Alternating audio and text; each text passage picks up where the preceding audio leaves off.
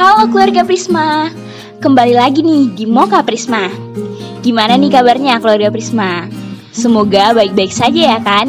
Dan tetap jaga kesehatan Karena Senin depan udah ujian akhir semester loh Nah ketika menjelang ujian tiba Sebagai mahasiswa nih Kita juga harus mempersiapkan diri agar tidak ngeblank Waktu ngerjain soal-soal ujian yang rumit Nah, gimana sih cara agar kita nggak ngeblank ketika dihadapkan dengan ujian? Yuk simak tips untuk mengatasinya. Tips yang pertama yaitu mempersiapkan diri jauh-jauh hari. Ketika ujian tiba, jangan pernah belajar dadakan ya teman-teman. Karena materi yang kita pelajari mendekati ujian hanya diingat sekilas saja, namun mudah terlupakan. Jadi, ketika mendekati ujian, lebih baik difokuskan untuk mengingat kembali hal-hal yang sudah kita pelajari sebelumnya, atau ini biasa disebut dengan active recall. Kemudian, tips yang kedua yaitu istirahat yang cukup. Terkadang nih, yang bikin kita ngeblank atau nggak fokus ketika ujian adalah lelah dan ngantuk. Agar tidak lelah dan ngantuk ketika ujian, diperlukan istirahat yang cukup untuk menjaga stamina tubuh. Dan tips yang ketiga yaitu mengulang lagi materi kuliah yang telah kita pelajari. Mengulang atau mengulas materi kuliah sangat penting dilakukan agar pemahaman kita jauh lebih luas, lebih mudah diingat, dan lebih paham dengan materi sebelum dilakukan ujian. Dan tips yang terakhir adalah gak perlu panik ya teman-teman Ketika dihadapkan dengan soal ujian yang rumit dan susah terpecahkan, jangan panik dulu. Karena kepanikan hanya akan mengganggu konsentrasi mengerjakan soal-soal ujian. Oleh karena itu, tetap tenang dan fokuskan diri terhadap soal-soal ujian. Belajar itu bukan untuk ujian, tapi ujian yang untuk belajar. Ujian itu untuk mengetes ketekunan, kejujuran, dan kedisiplinan. Selesaikanlah tanggung jawabmu. Lebih baik menderita sedikit ketika ujian daripada menderita selamanya karena penyesalan. Belum bisa, cari caranya. Belum mengerti, belajar dengan yang ahli. Lupa lagi, maka kamu harus revisi sampai hafal mati. Yuk kurangin mainnya, ambil dulu buku kuliahnya dan jangan lupa belajarnya. Sampai jumpa di Moka Prisma selanjutnya. See you. Kuat, seringlah mengulang materi yang dipelajari dan membuat ringkasan. Yang kedua, temukan gaya belajarmu sendiri. Yang ketiga, belajar berkelompok. Belajar kelompok ini akan membantu menambah referensi dan bisa saling bertukar pendapat loh. Yang keempat, teknik Pomodoro. Teknik 25 menit belajar dan 5 menit break. Yang kelima, fokus belajar. Dan yang terakhir adalah olahraga. Untuk meningkatkan fokus bisa juga loh dengan olahraga secara teratur. Karena sejatinya dalam tubuh yang sehat terdapat jiwa yang kuat. Itu tadi tips dan sedikit info menarik dari Moka Prisma. Tetap semangat, jaga kesehatan, dan sampai jumpa di Moka Prisma selanjutnya. Untuk meninggalkan seseorang dengan beribu kenangan dan belaksa cerita yang telah didengar darinya. Ia berusaha meneguhkan hati, menarik nafas panjang, menghirup semua suka dan duka. Kemudian menghembuskan semua ketakutan itu. Dirinya sudah siap. Dirinya mampu menghadapi semua ini. Begitupun dengan ibunya. Tidak semua hal yang menyakitkan akan membawa diri kepada suatu yang buruk. Justru, semua kesakitan itu adalah benih dari segala kesuksesan insan di masa depan. Bu, aku sudah siap. Aku benar-benar siap. Tegasnya setelah beberapa waktu dirinya terdiam. Ernita tersenyum. Ia yakin sepenuhnya kepada anak semata wayangnya itu. Ia sadar bahwa Neti adalah satu-satunya kenangan yang tersisa dari almarhum suaminya.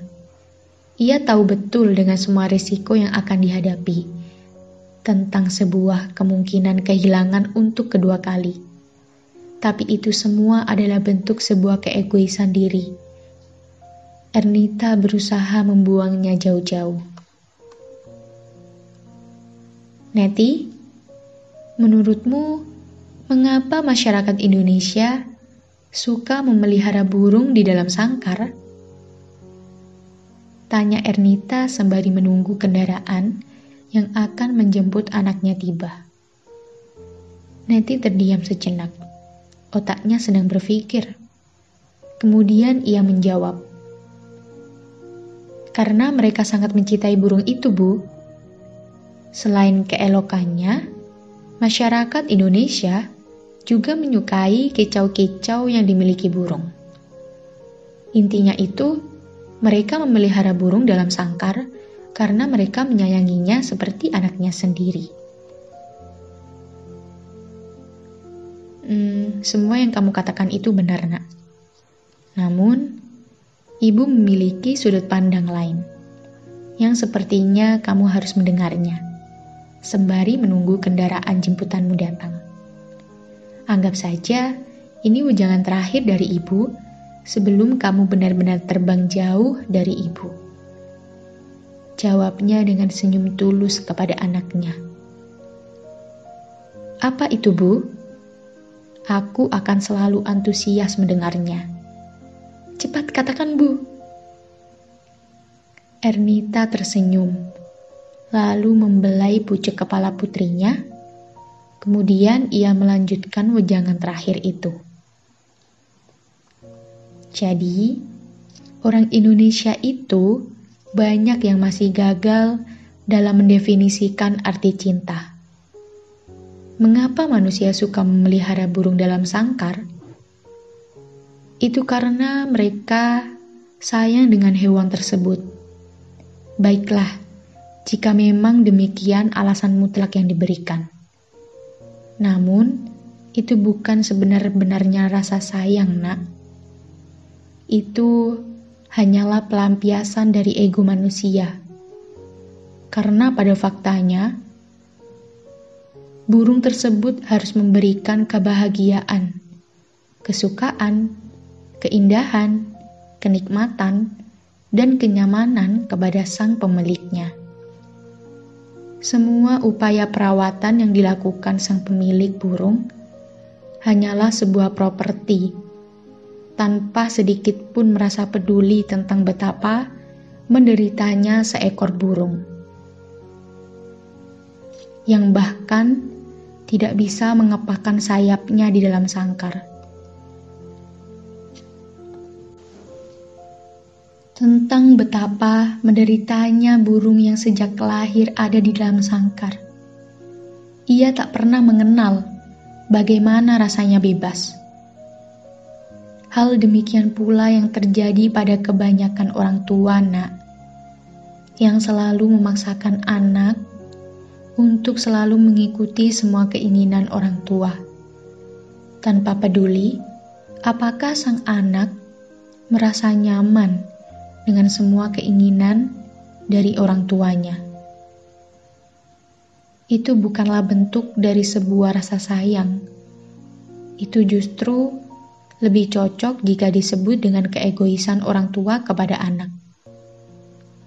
Sama halnya seperti burung yang dikurung dalam sangkar. Demikian juga anak yang selalu ada dalam kungkungan orang tua. Mereka akan memiliki sedikit sudut pandang. Selalu manja dan tidak menjadi bijaksana dalam memutuskan banyak hal dan ibu tidak ingin jika anak ibu tergulung dalam sangkar hingga dewasa nanti.